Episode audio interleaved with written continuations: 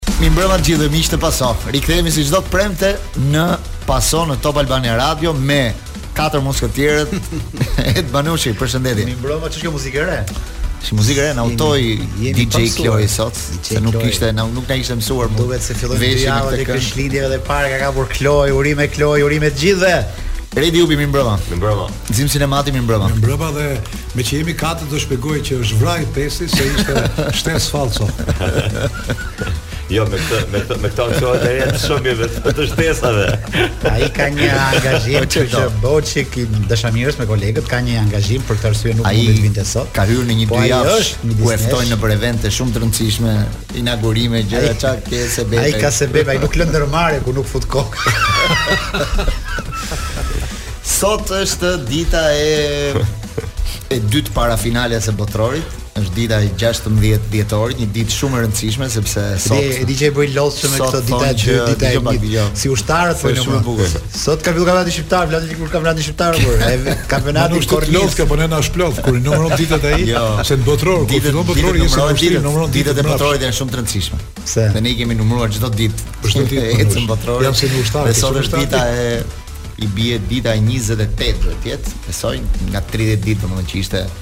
i programuar gjithë botërori i Katarit. Nga 18 nëntori në fakt e kaluar. Po sot çuditërisht, sot duke kërkuar në mëngjes dhe duke parë në internet, sot kam lexuar pafund historira, formula, skema, gjy vendime gjykatash, po fjalë avokatësh, histori Katari, domethënë një duke dëgjuar zgjedhjen e Dumanit. Dëgjoj që votoi ai.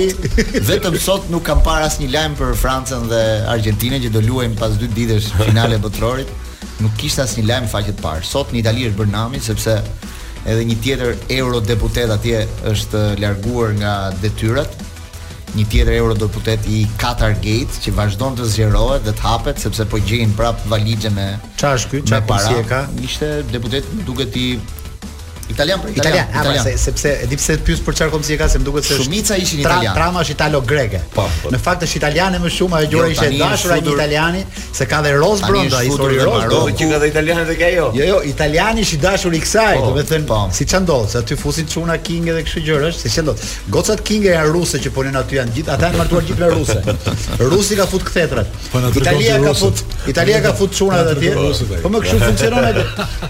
Nëse Rusia na futet këtu. Domethënë po, kjo historia e Qatar Gate po hapet shumë mirë. Policia belge vazhdon të hetojë. Sot madje edhe një ambasador i Marokut në Poloni ishte nën hetim, ishte vënë nën hetim sepse paratë qarkullonin nga Maroku në Belgjikë, në Itali, në Greqi, do të kishte para në të gjithë në gjithë se është skandali më i madh që ka goditur ndonjëherë Parlamentin Evropian. Ky që po ndodh tani me me Qatar Gate. Dhe duke e lidhur me këtë, Pashë dhe shumë, pashë një material i cili përfshinte 10 vitet e presidentit të Parisit Al Khelaifi dhe po. rritjen që ai ka patur në futbollin botëror në këto vite. Ai sot është presidenti i Paris Saint-Germainit, është presidenti i Bein Sport që kontrollon miliarda mm. euro nga të drejtat televizive po. nëpër në Europë dhe jashtë saj. Është presidenti i shoqatës së klubeve të Europës, që është një shoqatë shumë e rëndësishme që quhet po. ECA. Po. Ka qenë më parë Ka qenë Anjeli, mos më parë, gaboj dhe është ai, ai Anjeli, dha është ky. dorëheqjen tani është ky. Është anëtar i Anjeli komitetit Maf. ekzekutiv të UEFA-s. Anjeli Maf. Po. Është anëtar i komitetit Anjeli- ekzekutiv të Anjeli UEFA-s i, i, Mila- i Juventusit. dhe me objektiva shumë të rëndësishme nëpërmjet futbollit për të hyrë në qarqe politike shumë të forta në Evropë. Domethënë Sot ishte një ditë eh, shumë e ngarkuar me paratë Shoh që pra- Katarit. profesor që Puto lëviznin në ka hedhur Europë. helmin profesor Puto ka bërë si dishem. Jo, ishte- Është është shumë e bukur se e kemi zbërthy Katarin, mo fi fi nga ka korrupsion në gjithë botën.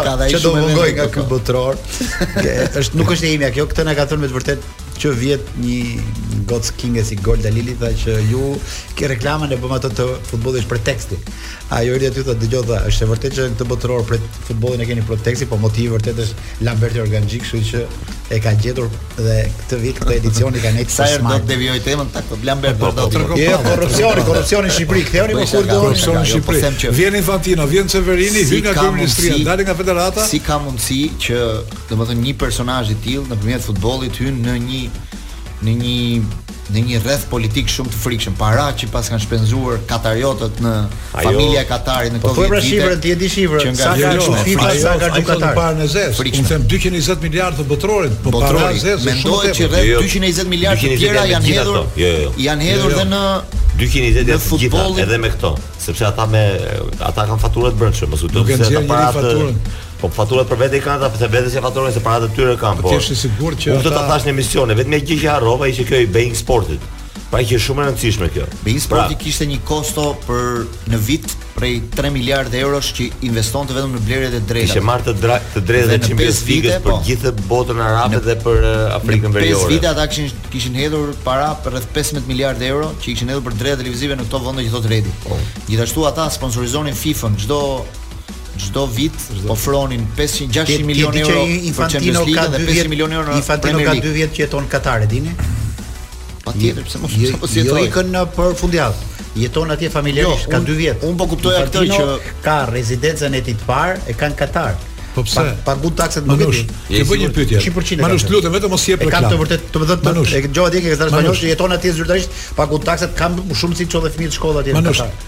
Manush, të them një gjë, të lutem vetëm mos më ndërprit me reklamë ose me muzikë. Ma ço deri në fund. Pse Shqipëria bëri dy miqësore, një me Arabinë Saudite, një me Katarin? A e di pse. Hmm. Ata na çuan. Shefat. Ky joni zbaton urdhrat. Ç'do Shqipëria aty nesh po, miqësore me dy ekipe. Po. E di sa e parëndësishme po, është në këtë formulë që është shumë e parëndësishme është, po është pjesë e skemës. E di sa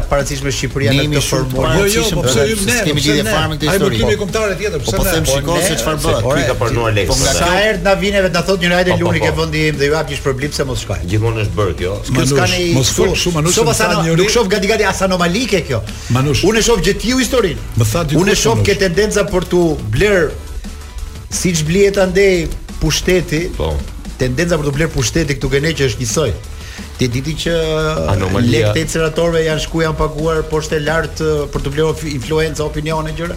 Kështu është gjithë po. historia edhe në Shqipëri dhe ndaj është i gjithë vendi është një po jo, fshat. Si ka mos do të thosh Manush me lekë një shpërthimi po bie porti. Çuditshme. Jemi në Pasaon në këtë pjesë të parë duke diskutuar dy ditë para finales së madhe të botërorit mes Argentinës dhe Francës. Sot Argentina Ka bërë një stërvitje normale, ndërkohë që Franca ka vazhdon të ketë një alarm rreth dy lojtarëve të qendrës së mbrojtjes që vazhdojnë të sëmurë, që është Konate dhe Varan, që vazhdojnë të kenë probleme dhe ajo që ishte lajmi i mirë ishte që nuk ishte çështje Covidi, po ishte çështje ftohje, domethënë ky ndryshimi i ambientit me kondicioner në në stadium duket se ka shkaktuar një problem në fyt me me një ftohje të lehtë për të për disa lojtarë, po Bravo, këta të dy janë pak problemi që ç'është kjo ftohje për me 5-6 lojtarë se këtë thonë që quhet një virus i deveve, thonë që është një virus. Është një virus që përdor 98-ën, krumi Brazili me Francën. Ai virus është ka ardh prap këtu Manush. Më është virusi i finales që. Thonë që është virusi i deveve që virusi i finales që shkakton probleme. Ndërsa sot s'e besojnë që do të thotë diçka një virus. Disa prej lojtarëve që që janë të dëmtuar do bashkohen me skuadrën, do i bashkohen skuadrës Francës, por nuk dihet akoma nëse do shkojë Benzema apo jo, sepse sot tani e shoh si film mediat po shkruanin që problemi që ka atje fizikisht, po.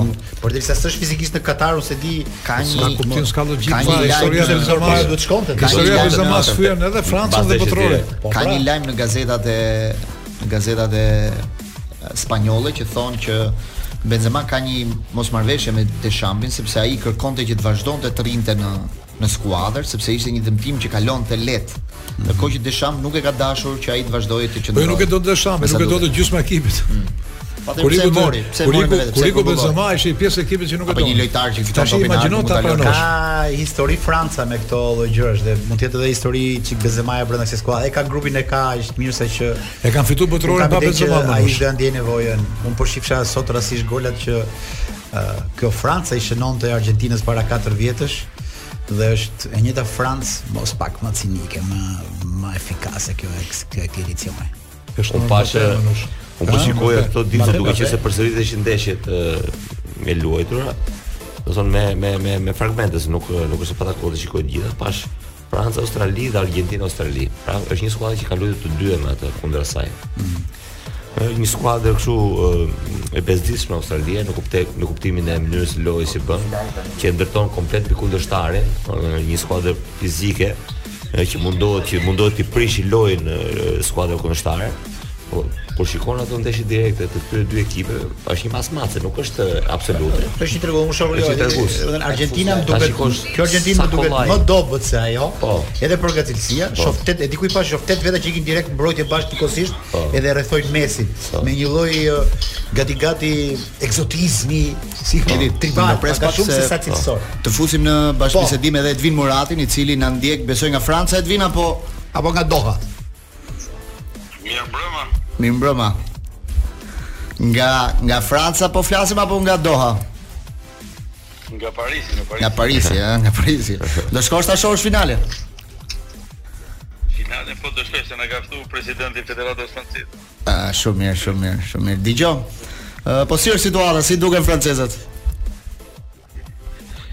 Po francezët duken shumë mirë, shumë mirë. Jan e menaxhojn ndeshjen shumë mirë.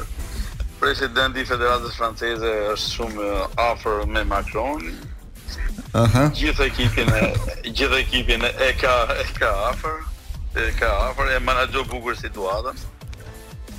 Dhe shpresoj, shpresoj se janë megjithëse Argjentina ka Messin, po Franca ka shumë lojtarë që janë kanë shumë kualitet. Ashtu do të thosh dhe presidenti. Vini Murati. Zim Sinemati, Redi Jupi dhe Ed Manushi janë në studio. Ka një pyetje po Gëzim Sinemati. Një emision që Makroni jo, thoshte inshallah shërohet. Glendi, më thuaj, më thuaj.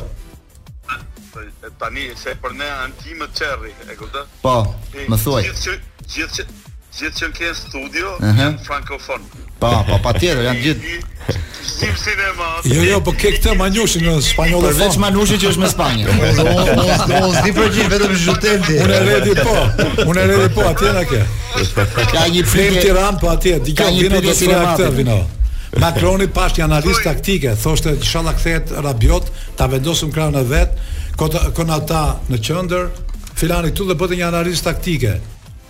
Edhe m'u kujtua thashë, si ky kryeministri jon që thotë që do luni kështu, do luni kështu ose që e pyesin për të marrë trajner të kombëtare, si ky i Francës, gjithë kryeministrat dhe presidentët po bëhen takticienë futbolli. A do të marr ekip? A është mundi kjo as është tani?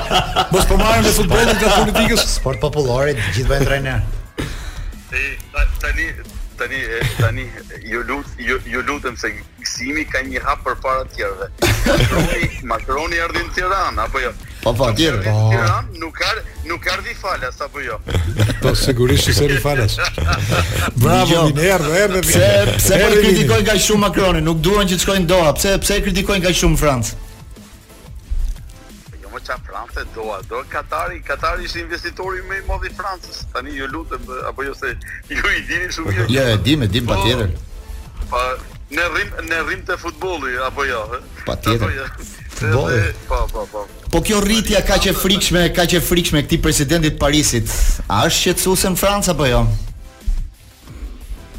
Jo, tani Glendi aspak aspak sepse Katari me thon drejtën, uh mhm. -huh. me thon drejtën ka in, ka investuar shumë te futbolli francez. Në qoftë se Katari nuk është te Paris Saint-Germain, të gjithë klubet franceze nuk janë në nivelin e duhur. Do niveli i Francës u ka rrit shumë me investimin e Katarit. Mhm. Duhet me qenë korrekt, nuk duhet me qenë hipokrit. Po. Katari ka investuar shumë në Francë dhe gjithë investimet që i kanë bërë janë fut të gjithë ë, në Francë ju keni CAC 40, CAC 40 ë, quhet gjithë kompanitë franceze që janë që kanë investuar të gjitha te Vinci, te Bouygues, te Alstom, te Lagardère, kanë kanë investuar gjithani Katari në Francë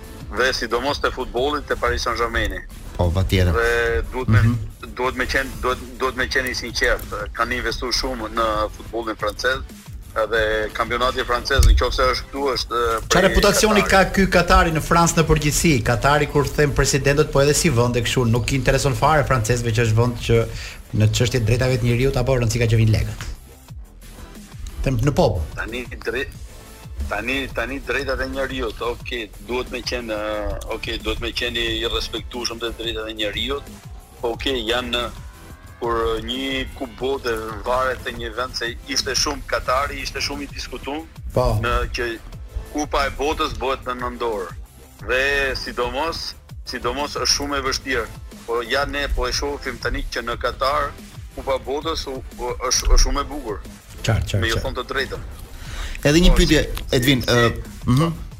Jo, doja të pyesja, ky presidenti i Katarit me kë është tifoz, me Messin apo me Mbappen të dielën?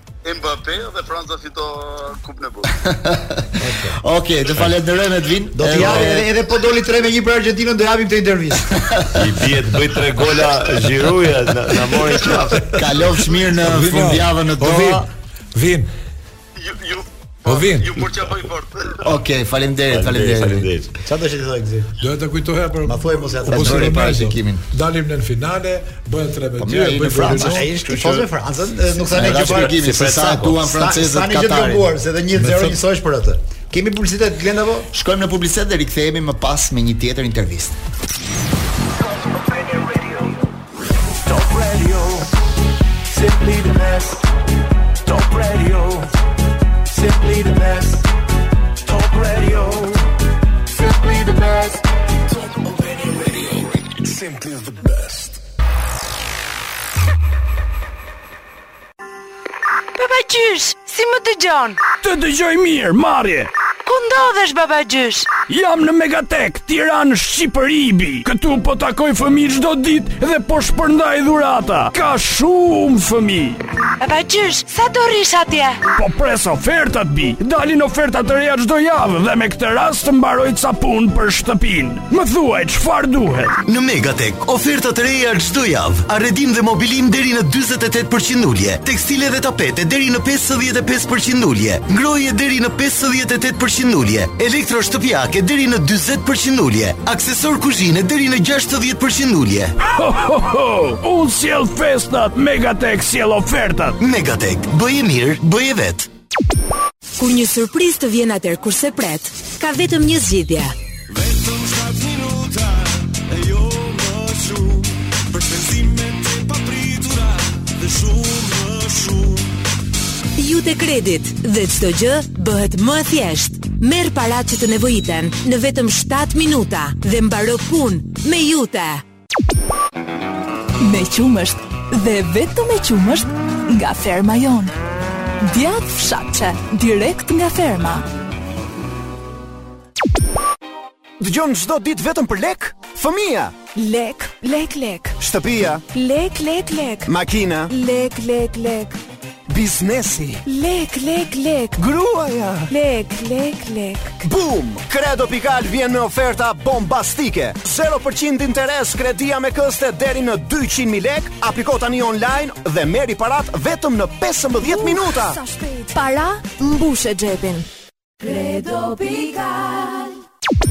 Ndeshjet janë për ata që i shohin bashkë. Përjeto kombinimin e 4K Android TV me pagesa të ulta mujore, duke i shtuar shpejtësinë e garantuar super fibra, si dhe kupën e botës falas. Ejani në çdo dyqan One dhe ALBtelecom. Zgjidh fuqinë e kombinimit. Lacalut u prodhua për herë të parë në vitin 1925 në Gjermani, duke sjellë një inovacion në të gjithë botën. Lacalut ishte pasta e dhëmbëve e parë mjekësore. Të gjitha pastat e tjera ishin një miks substancash pa efekt kurativ, kurse Lacalut solli një trend të ri.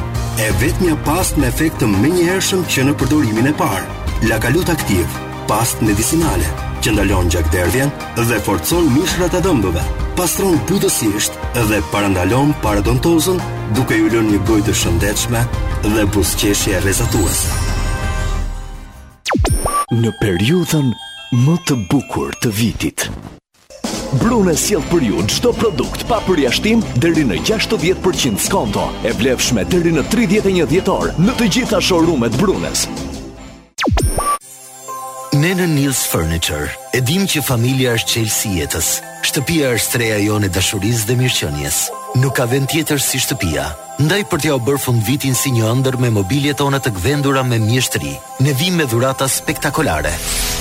Plot 60 produkte me 60% zbritje në Nils Furniture. Cilësi e lartë, dizajn mbreslënës, çdo detaj i realizuar me mjeshtëri, në kolltukët, këndet, dhomat e gjumit, tavolinat, karriget. Të presim në Nils Furniture, në Prestige Home.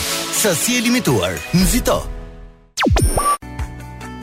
Po hap një depozitë nga BKT Smart, sepse ka interesa më të larta nëse e hap online. Interesat më të larta për depozitat në çdo monedhë. Përpara jush, kosi i ri Tido me disa shije nga Lufra. Kos i freskët e natyral. Tani mund ta shijoni me reçel me copëza frutash, me drithra të zgjedhura, në variantin e tij kremoz apo edhe atë me mjaltë. Ah! Këtë me mjaltë na e përlau ariu. E si mund të ndodhte ndryshe? Të gjithë duan Tido. Tido për këdo.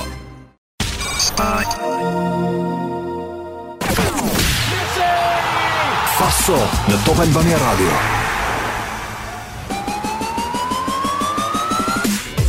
Rikthehemi në Paso në këtë pjesë të parë me Zim Sinemati, Redi Jupin, Ed Manushin dhe tani na është bashkuar edhe zoti Avni Ponari. Përshëndetje. Përshëndetje. Me takimin tonë të përjavshëm. Ka jetë përtej futbollit. Më duket se jeni duke udhëtuar zoti Ponari, dëgjoj një zhurmë autostrade. Po, po. Asi, asi jam radio nuk të të gabosh. Ku je duke shkuar? Qoftë se është një udhëtim që nuk është privat dhe mund ta ndash me miqtë? Rrugës në autostradë drejt jugut. A drejt jugut. Çfarë thuhet ne, ç'kemi nga bota e sportit përtej futbollit? Basketbolli më saktë. Superkupa. paska një shkëp e humbëm një moment një moment duhet të ketë duke qenë se është në lëvizje dhe nuk po nuk e di Ponari besoj tani jemi ju dëgjoj a jo edhe ne të dëgjojmë shumë mirë po në momentin që është gati duke folur zoti Ponari do jetë një do një zonë me mbulim të papërshtatshëm ose tentojmë një çik më vonë ose nuk e di Kloj bë ta bëjmë provë një herë Kloj nuk e di Ta tentojmë, ta tentojmë pa më vonë se diku me siguri në një zonë ku nuk ka mbulimin e dur. Ishim me Zoti Ponari në ka jetë përtej futbollit. Do të kthehemi këtu në studio me diskutim. E kemi, e kemi po Zoti Ponari. Po thoje që luhet Super Kupa? Më dëgjon. Ju dëgjoj shumë mirë tani. Ah, okay. Atëherë pra është Superkupa e Shqipërisë. Po. Tash e dielën dhe të hënën. Super. Kështu që vajza dhe djem do është një një ngjarje e e shënuar për basketbollin e përvitshme. Zhvillohet në Pallatin e Sportit Goga Basket në Durrës dhe mm. është një ngjarje e rëndësishme. Le të shpresojmë dhe të shohim kush do jenë fituesit. Oh, kemi rast dhe shans flasim edhe për çështje sportive për uh, këtë event. Besoj do ketë edhe ekipe të ftuara apo është uh, është mbarëkombëtare, kemi edhe nga Kosova? Jo, jo, është vetëm e Shqipërisë, është është e është ekipi shqiptar. Po atë kampionatit, kampionatit shqiptar. Oh, okay. Kush janë favoritët këtë vit? Si për goca ashtu edhe për çuna? Tirana Tirana dhe Teuta janë për meshkuj, uh -huh. Partizani Flamurtari për femra, kështu që le të shohim se kush do të jenë fitues. Ta marrim edhe atë këshillën tonë se më duket se të ndërpremë udhëtimin zoti Ponari se është e drejta juaj një weekend shumë i bukur dhe ndoshta festash. Ne do të këshillim meqë je në timon, mos është një këshillë sot për automobilizmin, për siguracionet e makinave, ku e kemi sot këshillën? Sot është, sot është ditë ditë e veçantë me shi, duhet të ecim me kujdes sepse mund të kemi po. aksidente, makinat janë të pa të pabesa në raste të tilla. Mhm. Mm dhe ajo që duhet të them kësaj radhe është gjithmonë vazhdoj për atë që është shumë e rëndësishme për çdo njërin nga ne për shkak të gjitha atyre të gjitha atyre smundjeve që shfaqen, ne kemi fol prap, dhe un prap e them, një jetë plus është një domosdoshmëri për çdo njeri që që don që të përballojë smundjet e këqija me financa të cilat janë të përballueshme. Ajo është themelore, sigurimi i shëndetit dhe dhe kjo bën e bën aq të domosdoshme për çdo njeri. Kostot nuk janë të larta, variojnë nga dyqind, dyqind e pesëdhjetë euro në vit deri në treqind euro në varësi dhe shkojnë deri në një milion euro për gjitha llojet e sëmundjeve që janë të rrezikshme duke përfshirë kancerin, duke përfshirë sëmundjet e zemrës, të kokës dhe transplantin e sëmundje të tjera. Por, ka, ka një pyetje zoti Ponari, ka një limit moshe kjo?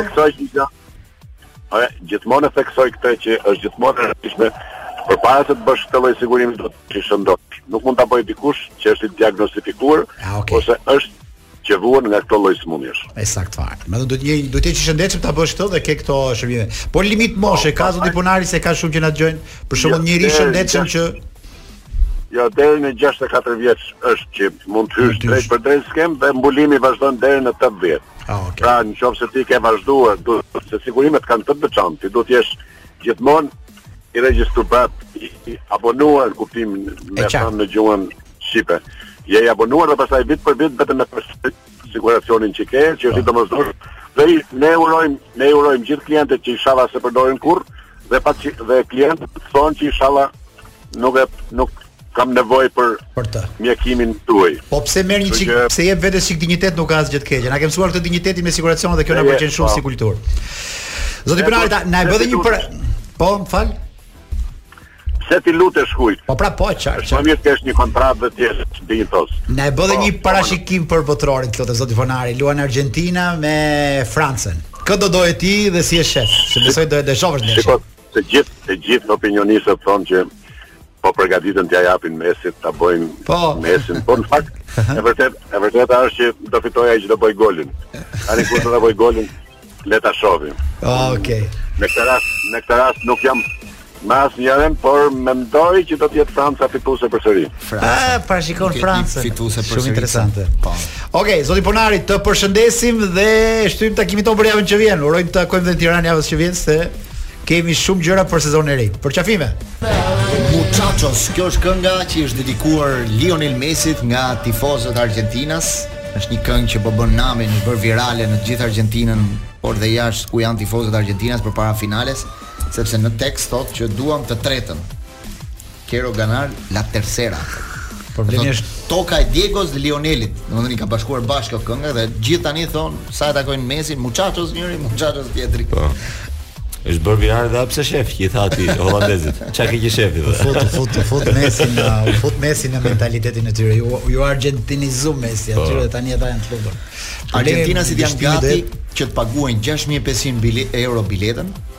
vetëm për të shkuar në Katar për ta ndjekur ndeshjen e fundit që bën Messi në një botëror. Edhe pse distanca nga Buenos Aires në Doha është 20 orë me avion.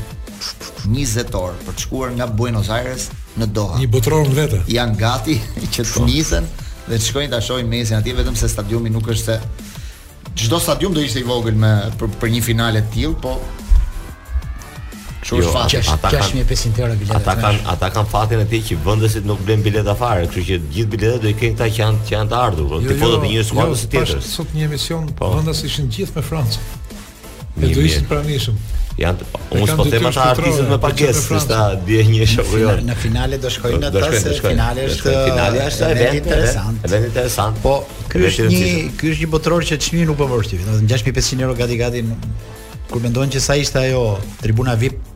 me gjithë drekën 35000 euro. Kështu që, domethënë 35000 euro bileta në një VIP që ke një kamarier personal, menu të ndryshme peshku mishi. Nuk është vendi për ta thënë se kur rrin ata në stadium, yje dhe kur bën kongres në stadium, cili kongres është tre kongresi që u bë i PS-s, unë dhashë 2-3000 euro s'më morën, tha ke pak tha. Kështu që mos kujtoni se mbulohen shumë.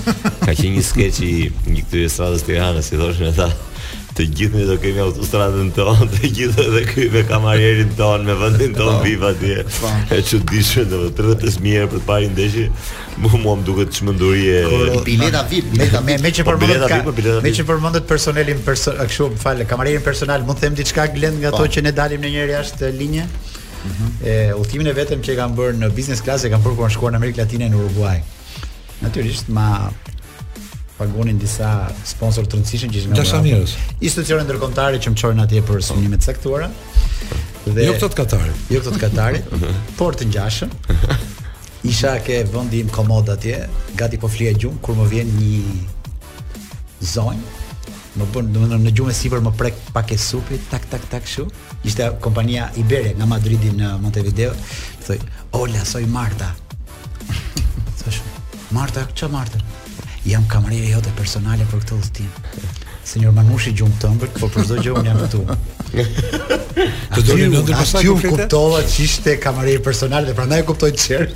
Sa mirë kur thotë 35 35 mijë euro. Po unë këtë s'e harroj kur tha Hola soy Marta.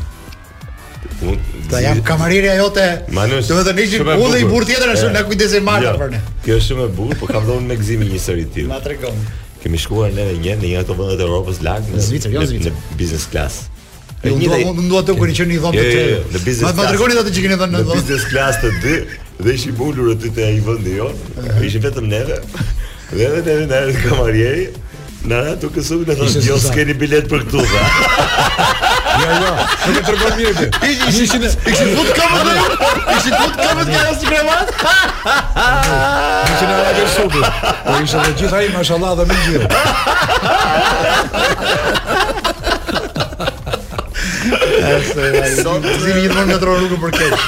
Manush, Manush vetëm një gjë ka. Unë kurrë s'kam qenë merak për fillimin e avionit.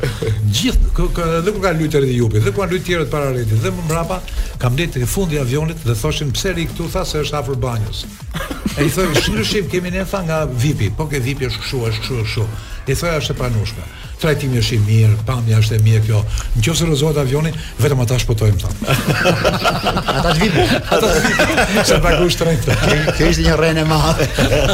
Sot ka pasur një debat në lidhje me me FIFA-n dhe Infantinon. Infantino ka dalë në një konferencë për shtyp sot dhe është një debat politik për të thënë të vërtetën, sepse presidenti i Ukrainës, Zelenski ka bërë një kërkesë për të bërë një mesazh para finales, një mesazh paqe. Dhe FIFA i ka thënë jo. Kjo është parë pak si një refuzim, një mbyllje dere e, e Infantinos ndaj Zelenskit që ka dashur të bëjë vetëm një përshëndetje paqe përpara finales në ekrane që dalin në stadium. E po jam pak, jam si... jam me Infantinon në këtë si rast. Unë jam me Infantinon në këtë rast. Edhe mua nuk më pëlqeu ajo ë invazioni po, po do të thojë i, i presidentit të Ukrainës për të për të kaq shpejt duhet të kuptoni edhe një gjë, domethënë Infantino është personi i fundit domethënë që mund të bëjë gjë të drejta në në në në këtë botë që ta dini. Është njeri i cili në, ka bërë pakt me të keqen gjithmonë gjatë gjithë karrierës së tij. Por ama në këtë rast ky domethënë shumë invadent për të hyrë për të marrë një audiencë e cila ë nuk është se i takon, po themi është bërë shumë politik në gjithë në në në gjithë kupën e botës dhe në një finale të tillë të cilë kohë protagonizëm i ekzagjeruar. Po pra, protagonizëm shumë i ekzagjeruar. Po, vendit tonë, po, pra, patjetër që jeni një gjë të drejtë. Bota të mbështet. Po patjetër. Bë një gjë më të shkurtër në botë për t'i dhënë paqe në vendin tënd. Po. Po. Dhe mos kërko protagonizëm. Unë gati gati më duket sikur ka një ka një protagonizëm ndonjëherë artificial dhe të stisur të kryeministrit të Ukrainës. Ë Ishallah nuk gjykohem ose nuk keqkuptohem, ose ishallah nuk gaboj në këtë që them, po daljet e atij në çdo parlament europian e më duket, domethënë ne flasim shumë edhe në një nga rubrikat që kemi te 10 34 orë, Ka një nakatosje politike me show, me histori nga këto, kështu që ai duhet të bënte vetëm interesat e vendit vet, ndoshta edhe me një lloj përulësie dhe me më pak glamur sallonesh perëndimore. Për mendimin tim. Ishallah nuk gaboj. Unë jam shumë afër kësaj, por Po, po e diskutojmë meqë u fut te pjesa e futbollit sepse meqë është nuk do na nuk do të jetë sport me Leonin vetë skur që të bëni një diskutim të këtij lloji. Sport, sport, sport është s'ka po, lidhje me ne, ne po. nuk bëjmë politikë këtu, por një nuhati prej tifozi e kemi. Po. Dhe prandaj them që Infantino ndoshta bën mirë që s'përzien kaq fuqishëm në një finale botërore, t'i japi hapësirën, ajo kauzë mund të jetë nga më drejtat në botë. Po ka vende të tjera për po, këtë po, po kauzë. Po, po, shumë vërtet. Ne në pjesën e dytë do flasim pak edhe për këto situata që po ndodhin tani sepse Superliga, ideja që kishin klubet për të krijuar Superligën, duket se po shkon drejt rrëzimit total, sepse një avokat në Luksemburg, një gjyqtar, një gjyqtar, një gjykat, një po. gjykatës ka dhënë ka dhënë idetë e para që nuk funksionon ajo që po kërkojnë ata. Kështu që në mars është vendimi përfundimtar i gjykatës së Luksemburgut për ta rrëzuar poshtë pretendimin që klubet e Europës kishin, por ndërkohë në ditën që doli ky lajm, FIFA Po ashtu dhe UEFA po propozojnë dy turne të ndryshëm. FIFA po propozon botërorin e klubeve që për t'u zhvilluar çdo 4 vjet, ndërsa UEFA po propozon mbas një viti për të filluar një Champions League ndryshe. Rikthehemi në paso në këtë pjesë të dytë me Edi Manushin, Redi Jubin, Gëzim Sinematin, na është bashkuar edhe zoti Erion Braçe. Përshëndetje. Mbrëma. Dy ditë mirë, mirë jemi. Ju si jeni mirë? Mirë, mirë, mirë. Ja, mezi po presim të vijë finalja e së dielës. Po i numërojmë ditët nga emocionet që na kanë zënë këto po, ditët e pra, fundit. Po presim. Po, po çfarë presim ti. Pra që edhe për këtë s'tregon të vërtetë tani. Ne punojmë ditë, ne po numërojmë ditët si në ushtri kur do mbarojë. Po, po, Ai thotë nga emocionet. Gëzim, dëgjo ti vlla,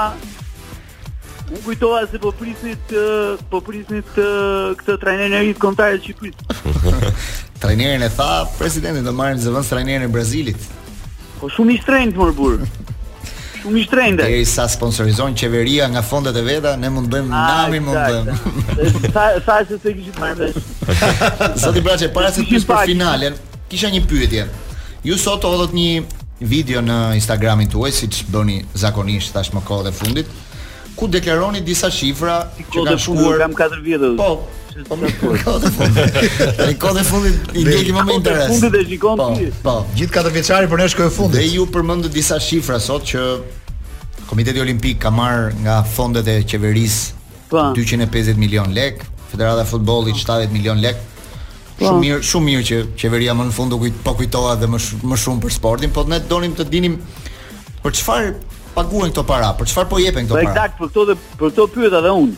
Ah. Sepse ne vjet për shembull Aha. në buxhetin e shtetit, po prap në një periudhë si puna e kësaj, pak mundet që të ketë qenë një muaj përpara. Mhm. Ë, i dham Komitetit Olimpik Shqiptar 500 milionë lek të reja, që do të thotë diku ke 5 milionë dollarë. Po vjet për këtë projektin që ka nisur, projekti i basketbollit dhe i volejbollit në shkolla. A më ndje po nuk nuk di ta them këtë, mhm. pyeta ministren sot, as ajo edhe ajo ishte e paqartë. I kam kërkuar një raport me shkrim për të na thënë se ç'u bënë 500 milion lekët ë uh, që dhamë vitin që shkoi, që janë konsumuar këtë vit, ashtu siç i kërkova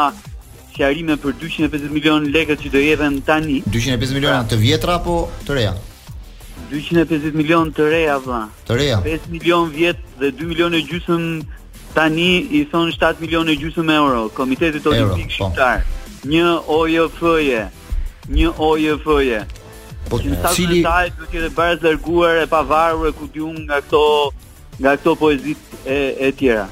Ndërkohë që uh, edhe për këto nuk ishte ndonjë e dhënë, do hartohet një projekt, nisi të thoshte ministrja, por në momentin që tha këtë fjalinë kur paratë janë ndarë nga buxheti i shtetit, natyrisht që vura duart në kokë se uh, ti vë para pa pasur një projekt akoma, ndërkohë që aty në relacion thuhet që për infrastrukturën sportive, Ëh. Uh -huh. Natyrisht që uh, lë shumë për të dëshiruar në aspektin e transparencës. Kurse pastaj 70 milion lekë të reja për Federatën Federatën Shqiptare të Futbollit shoqëruar me definicionin që për mbështetjen e ekipit kombëtar,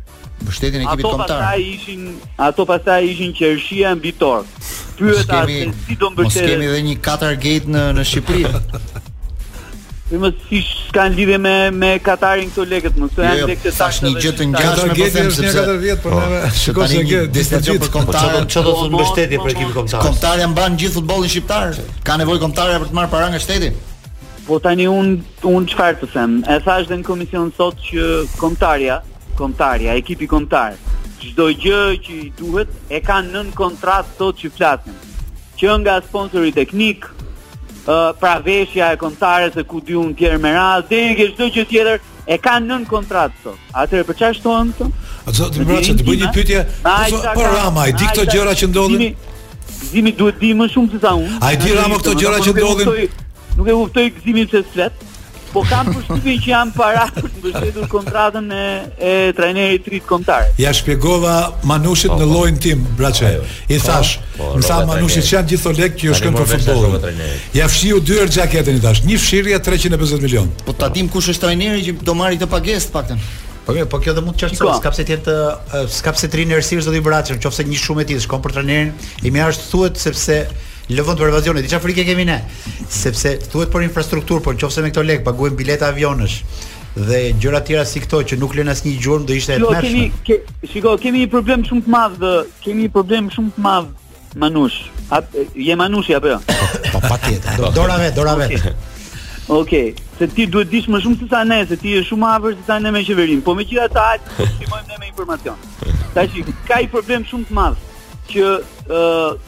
këto institucione, qoftë Komiteti Olimpik Shqiptar, qoftë edhe Federata Shqiptare e Futbollit, nuk kontrollohen nga institucioni suprem i kontrollit në këtë vend për paratë publike. Pra, edhe pse marrin para publike, këto nuk lejojnë kontrollin e Kontrollit të Lartë të Shtetit për përdorimin e parave publike. Në të tilla kushte jo vetëm që jemi në errësirë, por nga krahu tjetër, pa diskutim që nevoja për transparencë nga këto dy institucione është është themelore. Se me thënë të drejtën, me thënë të drejtën, sot që flasim, skema mbështetëse e bujqësisë, që ka në punë të paktën, të paktën, të paktën të deklaruar, 680.000 njerëz, mori vetëm 200 milion lek. Dakord? Ndërkohë që Federata Shqiptare e Futbollit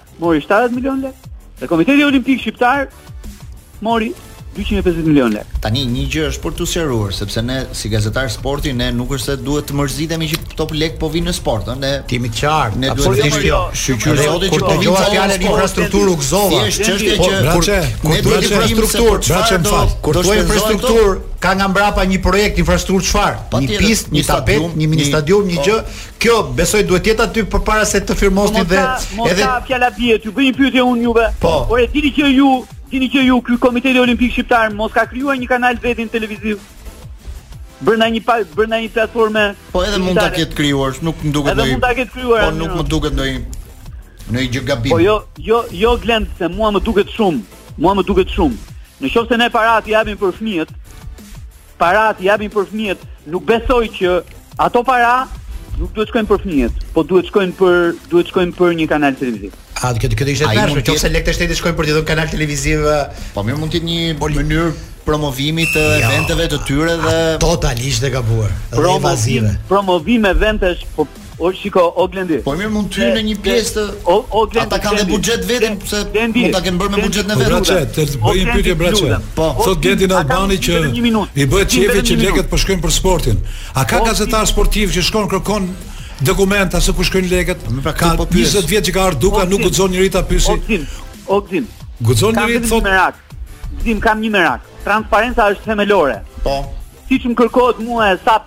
se se si ndahen lekët e buxhetit të shtetit dhe përse përdoren lekët e buxhetit të shtetit, unë besoj që duhet t'i kërkojmë llogari gjithkujt. Pavarësisht ç'a është, është bos pularie apo është bos këtu ndërtimesh e të tjerë me radhë. Nuk po nuk po hyj fare, kjo, transparenca duhet të jetë ajo, por ama, kjo që thotë Glendi, sinqerisht më acaron. Ore, ky komiteti olimpik shqiptar ka profilet e veta, siç kam unë profilet e mia, Glendi.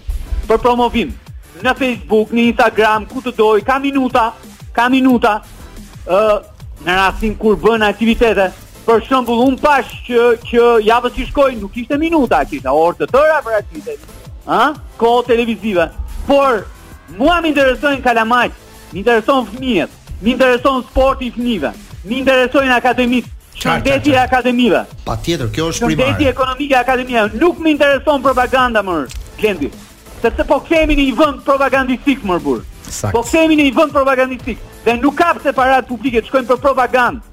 Prandaj pyeta për atë historinë e atij kanali televiziv. Dakor? Për këtë. Okej. Jo për gjë tjetër. Zoti Braçe, vazhdoni qëndroni pak me ne. Kemi një shkëputje të vogël publicitare dhe rikthehemi menjëherë me ju.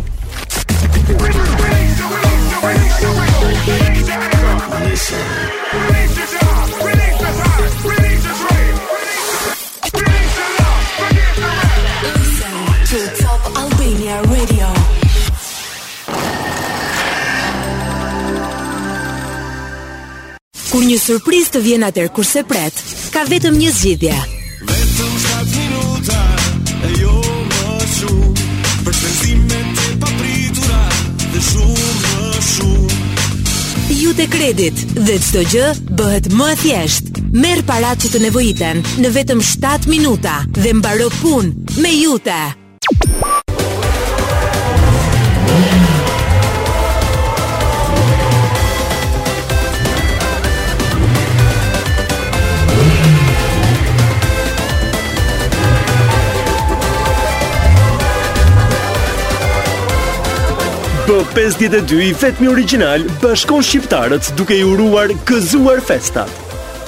Gëzuar Shqipëri!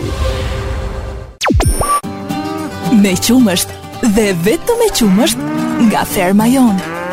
Kos Fshatçe, direkt nga ferma.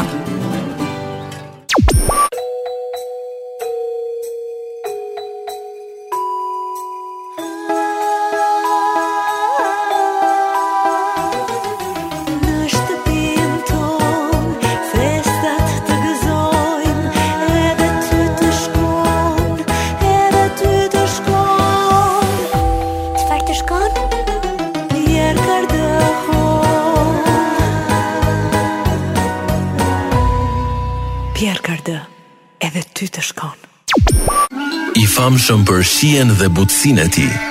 Krenar për origjinën dhe traditën e prodhimit. Djathi i bardhë, Gjirofarm, është baza e ushqimit për të gjitha grupmoshat. Gjirofarm përzgjedh nga fermerët e vegjël standardin më të lartë të qumështit dhe e përpunon atë duke ndjekur metodat që ka trashëguar. Tashmë djathi i bardhë ka emër. Gjirofarm, djathi i vërtetë tradicional. nga jugu i Shqipërisë. Cristiano Ronaldo! Pasó në Top Albania Radio. Rikthehemi në Pasó dhe kemi dhe në linjë zotin Erion Braçe. Gëzim Sinemati kishte diçka për thënë. Zoti Braçe. Më dëgjon?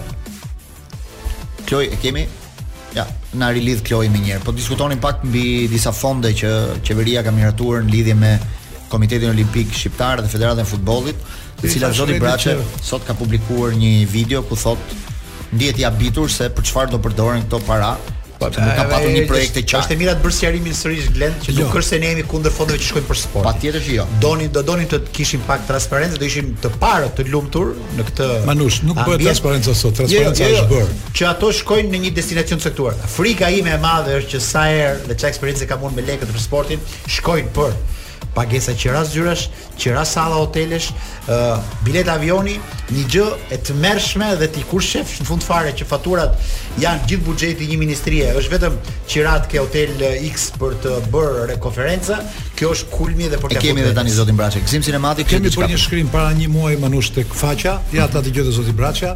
Kush i mm -hmm. kush i sjell kush i cakton trajnimin në Shqipëri? Kryeministri Rama apo presidenti Duka. Ëh. Uh -huh. Vjen Edi Reja që unë isha prezent vetë, e pret njeriu i kryeministrisë me tabelë, e çon te kryeministri, mbarojnë bisedat gjërat, të nesërmen shkon në federatë. Vjen Kambiaso, shkon në kryeministri, pastaj takon këta të futbollit. Tashi thuhet pse kanë ardhur këto lekë. Kam përshtypjen që këto lekë kanë ardhur derisa trajnerët caktohen nga kryeministria, këto lekë kanë ardhur për trajnerin. Unë mendoj që Nuk kanë asnjë arsye të kenë tjetër. I them Redit, mirë që vijnë këto lekë, 700 milion, po ky joni vonohet tani se do me gjet një trajner me 500, se çfarë do fitojmë?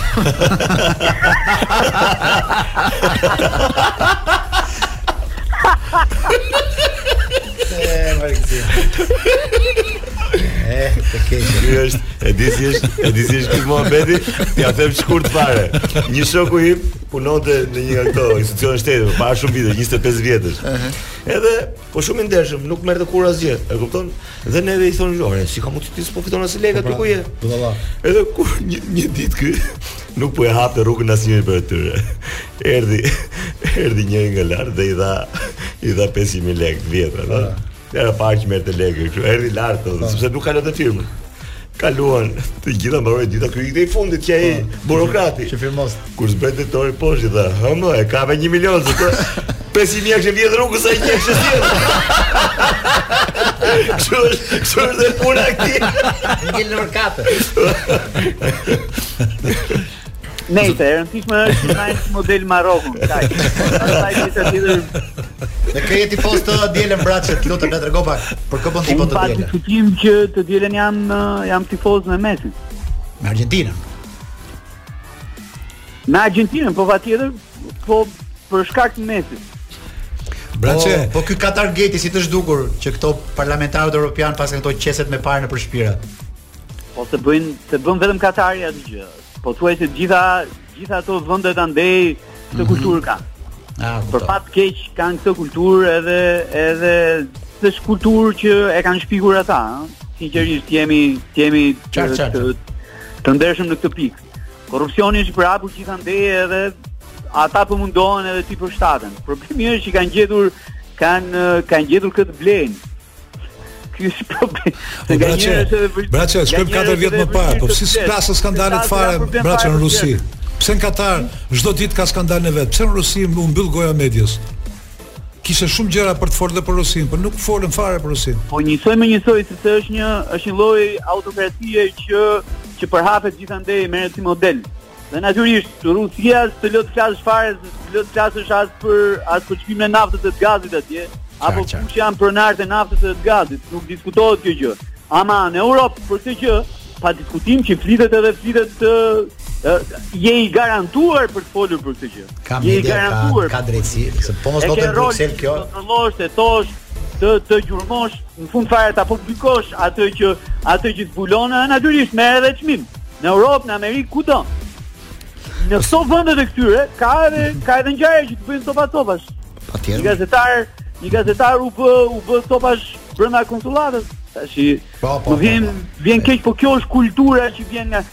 Shiko, unë e kam dëgjuar Redin me shumë vëmendje, që e ka kontestuar shumë fort bërjen e, bërjen e, e botërorit pikërisht në, në, në një vend si Katari. Për çfarë po shpenzoheshin ato parat në në Parlamentin Evropian? Për lobim. Po. Po për çfarë për të lobuar?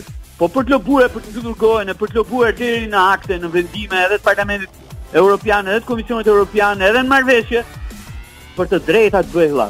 Për të drejta të bëhet fjalë, për drejtat e punëtorëve, për mhm. transparencën e përdorimit të parave, e kështu me radhë, se kur dëgjon shifrën 200 miliard, 200 miliard dollarë për të organizuar uh, një festë në nëntë festë sportive, në nëntë stadiume, tani më vjen keq domethënë po është një shifër e paimagjinueshme. Shumë para janë. Në fundit po, njëri po, prej po. atyre stadiumeve ishte i çmontueshëm, me kontenierë ishte bërë. Kur botërori i fundit ishin harxhuar vetëm 16 miliard, Braçe me 200 miliard do kishin bërë një botë tjetër më të pasur, më të mirë. Më të drejtë. Më të drejtë. Me 200 miliard. Një botë siç do Manushi. Mund të kishim mund të kishim mbushur mendjen edhe Putin të ndërpriste luftën. Po Braçe, meqë jemi me Argjentinën, Braçe, të them diçka të fundit. Bëri një sondazh dhe Manushi ke emisioni jonë me njeriun që kryen sondazhet, edhe ai kishte 7 pjesëmarrës gjithsej në sondazh. Po 80% e 7 vetëve mendonin si juve që fiton Argentina. Edhe ai në po fund fare Ishte ai ishte tifoz i Francës dhe tha, dëgjo tha, e di pse Manush tha janë gjithë me Argjentinën, se janë të ndikuar nga telenovelat tha. Prandaj tha janë me Argjentinën njerëzit. Edhe neve si emision pastaj më vonë dolëm konkluzionin që edhe botërori do jetë telenovelë në vete, do mbarojë me lot. Kështu që Braçe përgatitu të qash po. Dhe mua më mua më vjen mirë që ti dhe njeriu i Manushit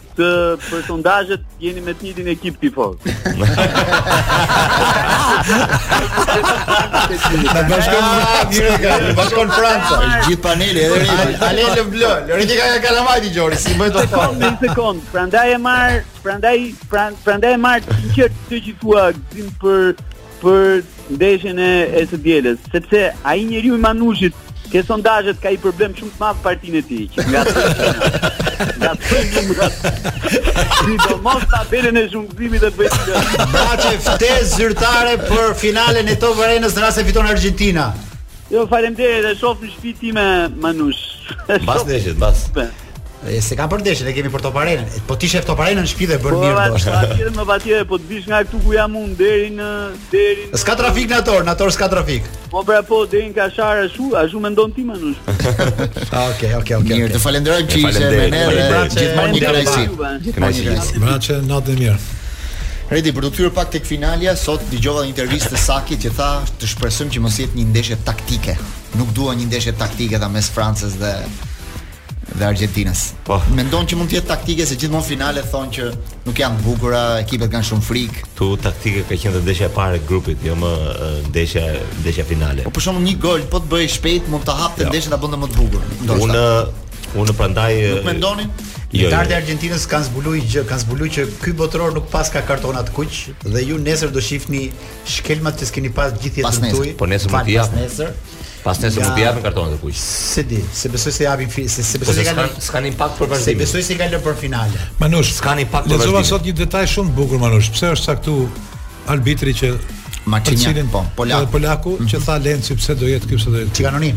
Sepse jo nuk është anonim. Ata kanë analizë vet, ka grupin e ekspertëve. Qartë. Unë do doja më shumë analizë për të gjykuar pse është ai. Mm. Po ne të pamjaftueshëm vetëm që është polak na duket shumë i vogël për finalen. Por më e bukura ishte domethënë që kishte një analizë në një media angleze që thoshte ajo që gjithë gjyqtarët e federatave që protestuan për drejtat e njeriut u shmangën nga maja e botërorit. Arbitri anglez, arbitri gjerman, arbitri, domethënë gjithë federatat e mëdha holandez u shmangën sepse nuk i donin sepse federatat protestuan për drejtat e njeriut dhe ishin në favor kundra FIFA. Francezët nuk i vënë dot se janë francezët nuk e vënë dot. Pastaj shkon ke polaku. Ky ishte shpjegim më i pranueshëm. Pse vjen polaku për të majtë majën e botërorit?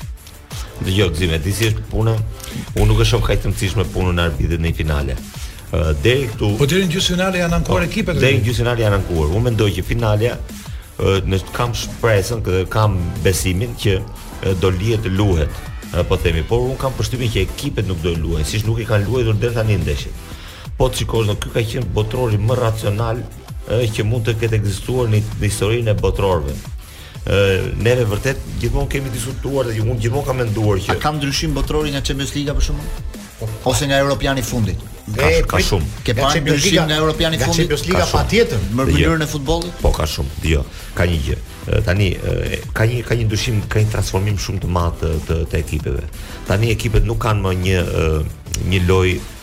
autentike të tyre, siç kanë pas anglezët përpara brazilianët, argjentinasit, po të shikosh, po të mos i njohësh lojtarët, shikosh Argjentinën me Francën kanë një stil futbolli.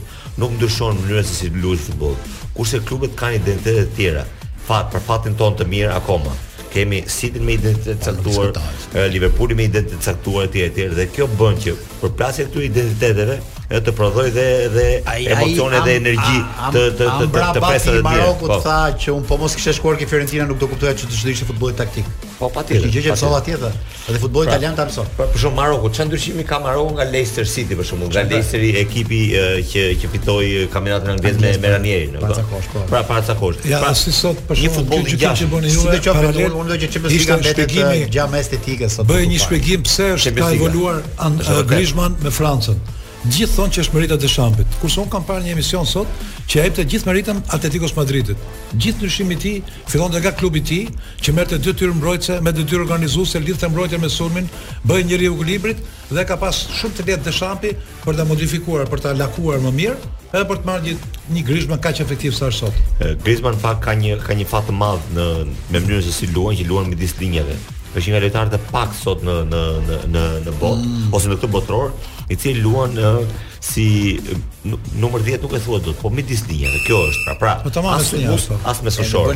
Nuk ka asnjë lojtar tjetër që e bën këtë rol në në botëror. e dur dhe në një tjetër shpjegim që po. kam pa un, ë shpjegonte mënyrën se si shikonte, se është e vërtetë që truri dhe këmbët janë shumë të rëndësishme, po të shikosh qenka gjëja më e rëndësishme në futboll, një gati shkencor që ky po. kjo gjë që rezon dhe Griezmann ishte nga njerëzit me shikimin më perfekt Fshehti sepse gjithë problemin e kanë që sulmuesit e zgjuar gjenden aty ku nuk i kap as po. bishti i syrit kishte Zidane të manush. Kështu që ishte i parë në klasifikim për këtë Zidane. Bëjmë një shkëputje të vogël dhe pastaj rikthehemi me pjesën e fundit të pasos.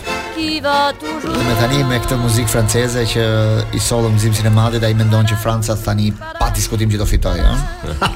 Edith Piaf.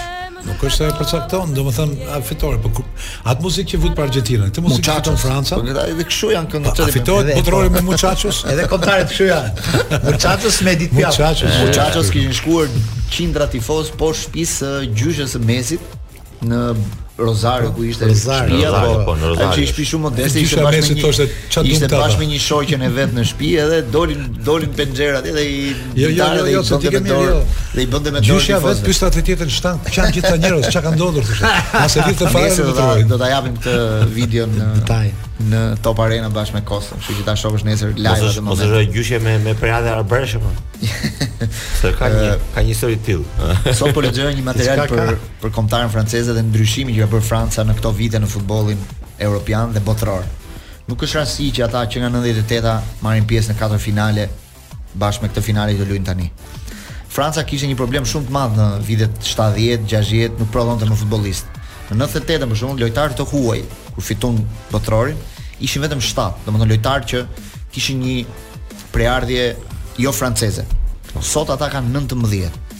Dhe sot ata janë fabrika më e madhe e prodhimit të futbollistëve në Europë dhe në botë nga të gjitha kolonitë që kanë patur në Afrika, kudo ku kanë patur koloni.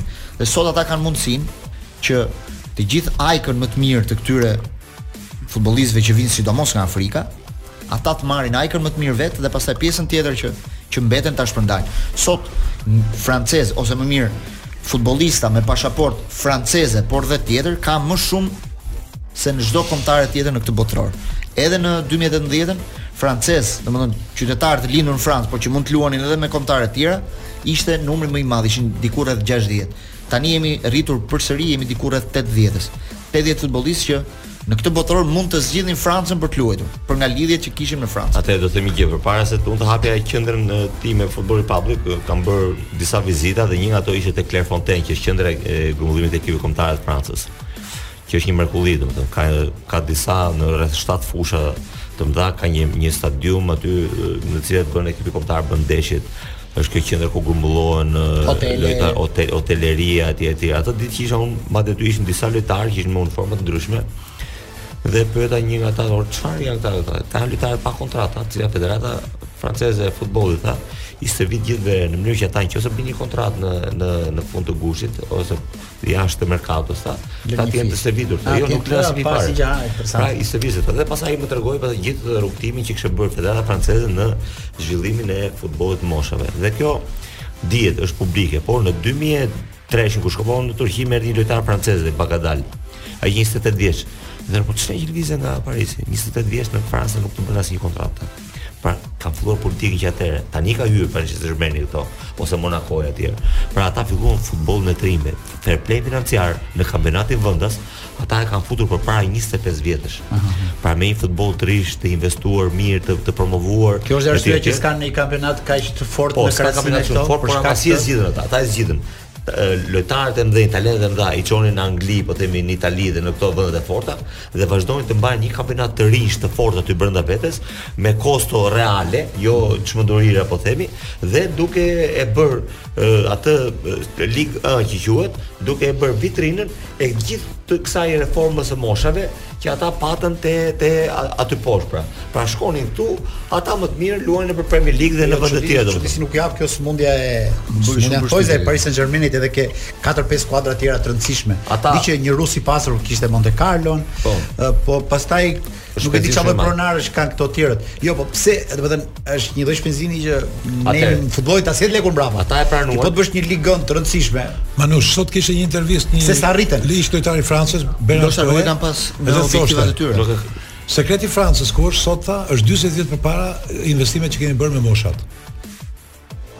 Edhe gjithë sekreti është ç'a është ç'a politike u bë dhe kur u bë ai ligji Bosman futboll, Franca ishte më e avancuar se çdo shtet tjetër për projektin për ndryshimin e ri që kishte në koncept futbolli. Unë do të them tani diçka nga përvoja ime. Në 98-ën kur neve ishim botëror 3 javë, Franca kur filloi botërori, futbollin e kishte sportin e pestë nga rëndësia. Mbas Botërorit, ata fituan vendin e parë, filloi të hynte në treshe futbolli për t'u bërë nga sportet më të dashura. Unë edhe sot jemi këtu, kam që thoshte dikush sot që nëse pra, fiton. Francezët francezët janë prapë indiferentë ndaj futbollit. Ja ta them unë, këtë ta them. Pra, ja të janë prapë, nuk janë bashkë. Jo, Manush, po, po, po, francezët e vërtetë. Për stilin francez do ta them këtë Manush, ja sa do ta thoja. Thoshte kjo finale që do bëhet nesër, a pasnesër, për Argentinën është jetike. Për Francën është estetike. E kupton ku është Franca? Ata janë Argentina. Janë mërzitur me një intervistë të Zidanit i cili tha që po mos luaja tek Real Madridi nuk do të fitoja dot kurrë topin e artë. Çfarë do të thotë që uh, vështirë që të luash në një klub francez, ndoshta edhe si Paris Saint-Germain dhe të fitosh top të artë. Dua të them që janë të caktuara dis ka një hierarki klubesh në botë, ku patjetër është Reali, është Barcelona, është Bayern Munich apo nuk e di se kush, që je vitrinë Sado ka investuar Paris Saint-Germain, jo vetëm vitrinë nuk u bë dot, po edhe ka disa skualifikime të çuditshme dhe të pakuptueshme që Manush kanë ndryshuar kohët. Vit pas viti ka qenë gjithmonë skuadra me dominim. E bën, po ta mbajë e bën. Pastaj është larguar. Rasti mund të jetë ky Mbappé që mund të jetë ata me Zidane, ata me Zidane në Kupën e Botës dhe në këtë rast. E bën, e bën. Pra Paris Saint-Germain tani është në rrugën për të për t'u bërë. Është bërë, është bërë klub i madh. Unë shoh se është bërë shumë madh, është shumë madh, por me kosto shumë të mëdha. Sepse rri artificialisht në kampionat. Po pra, po se ti kur ke kur nuk po ke përballje javore, po pra. ti s'ke ti një herë. Sot Parisi ka një vlerë 4 miliard euro. Kur e kanë blerë në 2010-ën presidenti aktual ishte 100 milion 100 milion 100 milion vjetra 100 milion euro euro pra, sot është 4 miliard vlera e Parisit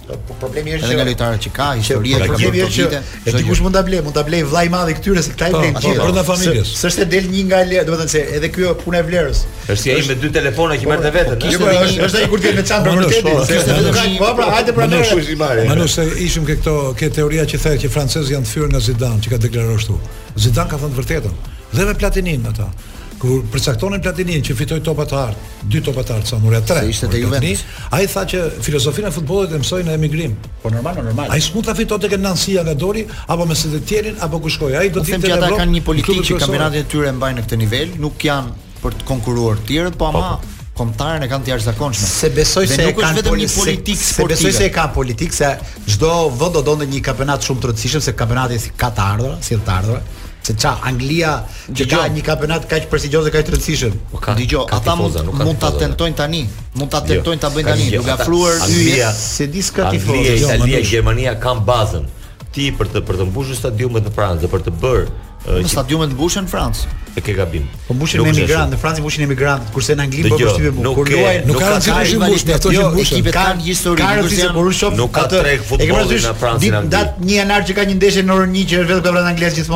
Po ja do kesh, edhe mund të jetë një Freiburg. Këtë vit do kesh një ndeshje në 6 gjys. Aty shef edhe më bëri përshtypje familje. Edhe ata duke qenë anglezë, ka faqe po. kuq me quk, ata janë po. anglezë, po. si njoh që kanë parë Mallorca. Është gjyshi nipi dhe çfarë bëjnë? Ata mblidhen për Krishtlindjen. Edhe kanë ditën e shkuar si duhet kanë fest. Po patjetër. E kanë shpik ata të parë. Spanjollët dhe ato italianët për Krishtlindjen që ke mamat. Po ata janë të vetmit që luajnë atë që quhen Nushi, di si ishte ndryshimi i një të riu francez me një të riu anglez të talentuar. Ai delam dalim aty ku tha Redi, që i riu francez ka kampionatin francez për të luajtur, kurse i riu anglez nuk hyn dot Premier League. Nuk hyn dot, shumë kanë atë fort. Shko luj me Borussia Dortmund. Gjithë yjet e Francës janë jashtë Francës, kurse të rinjtë francezë ah. luajnë Ligë 1. Kë kemi dërguar zyrtar Top Channel në Paris Glend? Kemi ndonjë emër që më shpëton mua? Se doja të bëja krahasimin midis Ben Manaj dhe të dërguarit Paris. Se do të shpjegon atë diferencë.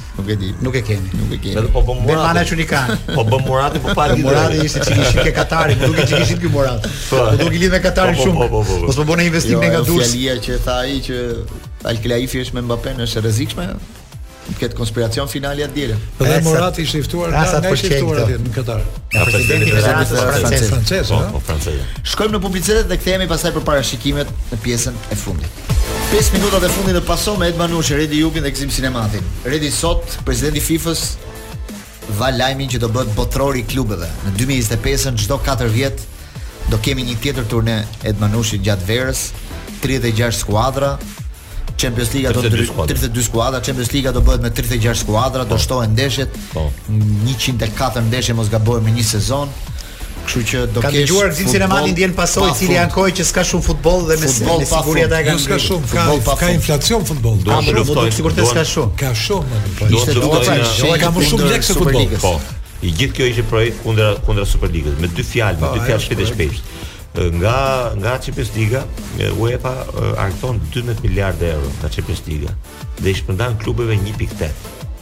Dhe gjithë këtu është lufta. Ndërkohë që projekti i Superligës ishte që ne duam 10 miliard. Dy miliard për shpenzimet operative, po. sepse ne kemi kostot, ne mbajmë ngarkesën e tjera e tjera. Lojtarët nuk marrin më nga 1-2 milionë euro siç merrnin. Ka rroga 70-80 milionë. Në qoftë se doni produkt, atëherë ne do marrim më shumë. Dhe këtu është gjithë përplasja. Dhe ai gjyqtari në në gjykatën në në atë gjykatën civile europiane. Ai ka dhënë të drejtë UEFA-s dhe FIFA-s në parim Ai ka bërë një relacion mbi kërkesat që kishin jo, ata. Jo, vendimi nuk është marrë akoma. Vendimi merret në mars. Ahu, tani çfarë mua pra, bëj? Më dëgjo pra tani. Si është procedura? Çfarë është e rëndësishme? Ma dëgjo këtë. Ai i ka dhënë të drejtë FIFA-s dhe UEFA-s si e, e, ekskluzive pra si, me për të drejtën ekskluzive për organizimin e kompeticioneve. Dhe këtu është e, goditja që i kanë dhënë ata. Ai vërtet nuk është dhënë vendimi, po është një vendim paraprak, në po cilin pra. ai njeh po. si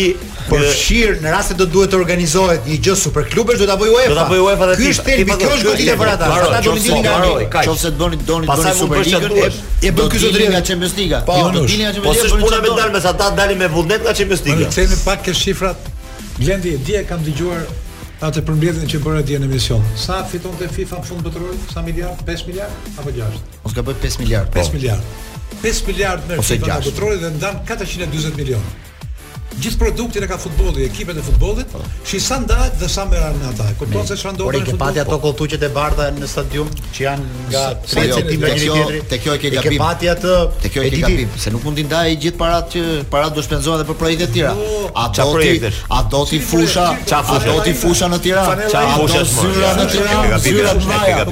A do bukuri klet fotel në Tiranë? Ato janë chartera çokash, hotele dhe një gjë tjetër që i sjellin atje me furgonë ti e di shumë mirë po. se s'flasim dot hapur. Po. Maskarenj. Ne ç'kur jemi, Manush, ç'kur jemi lidhur me botën dhe veset janë më të mira. Po. Na e jep pak programin e fundjavës si e kemi programin. Fundjava është një festë e jashtëzakonshme sot mbrëmje e Top Medias. Mos mungojë asnjeri dhe kjo është zyrtare. Një. Po. Digitalbin e fton të gjithë pra. Gjithë Top Albania Radio, Top Top Channel. Dhe po, shof Kloin që e ka marrë shumë seriozisht se ka një nga veshjet e saj më ekskluzive për këtë. Kush do dojë të takojë atje? Nuk ka xixa Kloi.